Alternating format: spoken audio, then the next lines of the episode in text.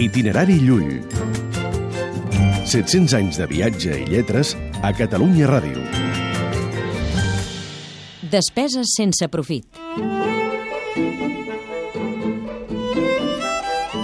Llull deplorava el gust pel luxe de rics i poderosos, que malgrat que percebin grans riqueses, s'ho gasten tot amb coses que en realitat tenen molt poc valor, si més no, a ulls de Ramon Llull.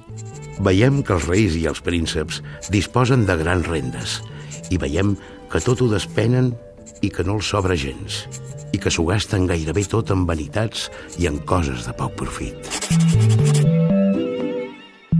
Els luxes mundans, trobava Llull, no feien cap profit a l'altra vida. Més aviat al contrari. Itinerari Llull.